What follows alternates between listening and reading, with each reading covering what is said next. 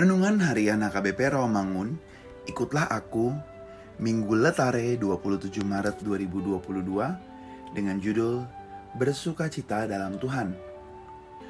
Kebenaran firman Tuhan yang menjadi ayat renungan kita hari ini tertulis dalam Mazmur 32 ayat 8 sampai 11 yang berbunyi Aku hendak mengajar dan menunjukkan kepadamu jalan yang harus kau tempuh.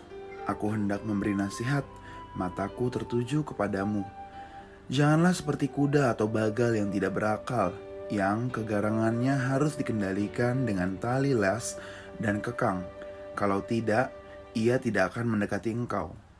Banyak kesakitan diderita orang fasik, tetapi orang percaya kepada Tuhan dikelilingnya dengan kasih setia.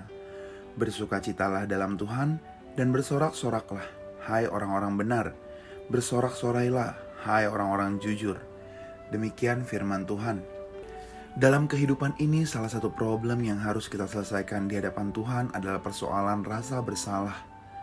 Manusia bisa berusaha menekan perasaan bersalah ini dan mengalihkannya pada hal-hal yang lain, tetapi apa pun yang dilakukan manusia, kecuali dia kembali kepada Tuhan, sebetulnya tidak ada kebahagiaan yang sejati.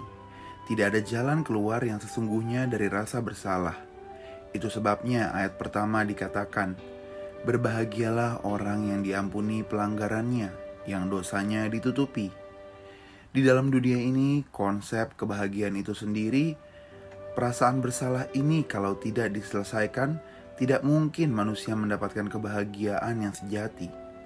Perasaan bersalah adalah sesuatu yang memang harus diselesaikan oleh manusia, dan bahwa urusan setiap manusia adalah dengan Tuhan.